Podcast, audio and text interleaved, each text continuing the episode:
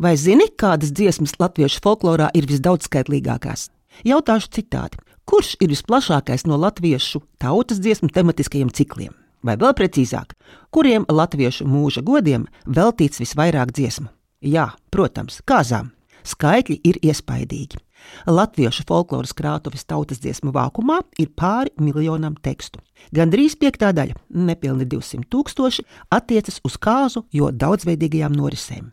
Varbūt lieki, tomēr precizēšu, ka ar tautas dziesmām šajā kontekstā saprotam nevis tās dziesmas, ko joprojām reizumis un vietumis dziedam kopā sanākot, bet tā saucamās klasiskās tautas dziesmas, kuru sinonīms ir dainas. Visas izdziedamas, vairumā gadījumu, kā teicamās, ir teiktās dziesmas.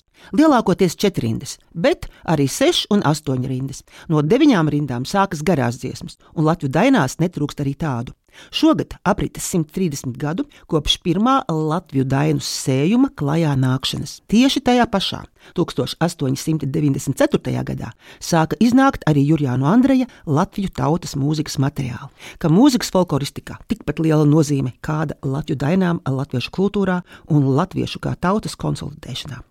Pieņemu, ka daudziem no jums, tāpat kā man, grāmatu plauktā, goda vietā atrodas pelēkie faksimili izdevuma, seši sējumi astoņās grāmatās, kurus izdevniecība zinātne laida klajā sakarā ar Latviju dainu iznākšanas simtgadi.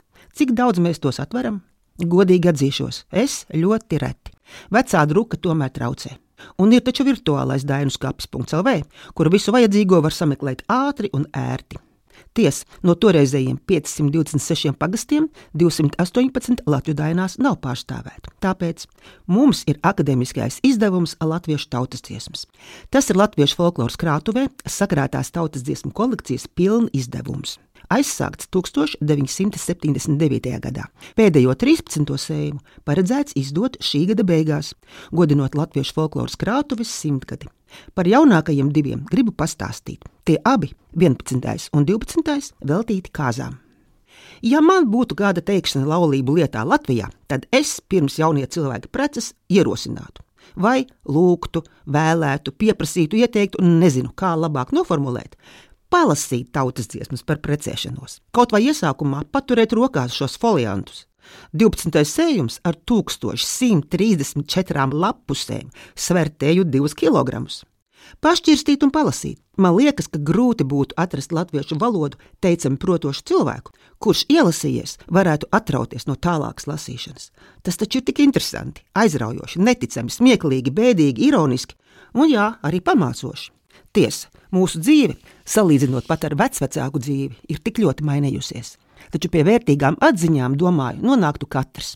Jo ir kas nemainīgs, tās ir mūsu savstarpējās attiecības. Tik daudzveidīgus attiecību modeļus tieši kāzu sakarā atradīsiet reti kur. Protams, jāpaturprātā, ka liela daļa tekstu ir metafāras, hiperbolas un vienkārši humors, taču ieklausieties dažās dainās, piemēram, par vīra māti. Tā kā pati tāda esmu, tad varu atļauties dažus ņiprus piemērus. Vīra māte, bella māte nesā sietu padusē, kurā ciemā ieēdama sijā manu augumiņu.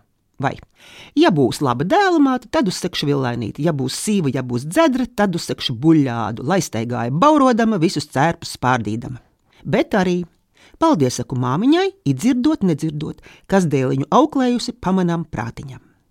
Vai, uzaugdama dievu lūdzu, lai dzīvo vīrmāte, būs bērniņu auklētāja, būs ganiņu vadītāja. Mūsdienu emancipētajām meitenēm, protams, grūti pat iedomāties, kāda sadzīvošanas māka jaunajai sievai bija vajadzīga sendienās. Tādējādi, lasot šos tekstus, rodas lieliska iespēja novērtēt to, cik labos laikos dzīvojam pat laban, un varbūt tomēr likt aiz auss kādu padomu. Eimāsiņa tautiņās dzīvo gudri aizgājusi, ja tautām salmu jumti necel augstu uguntiņu.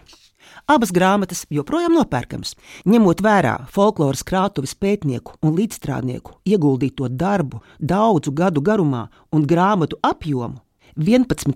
sējumā pamatdziesmas kopā ar versijām un variācijām 55,163, 12. sējumā 107,572.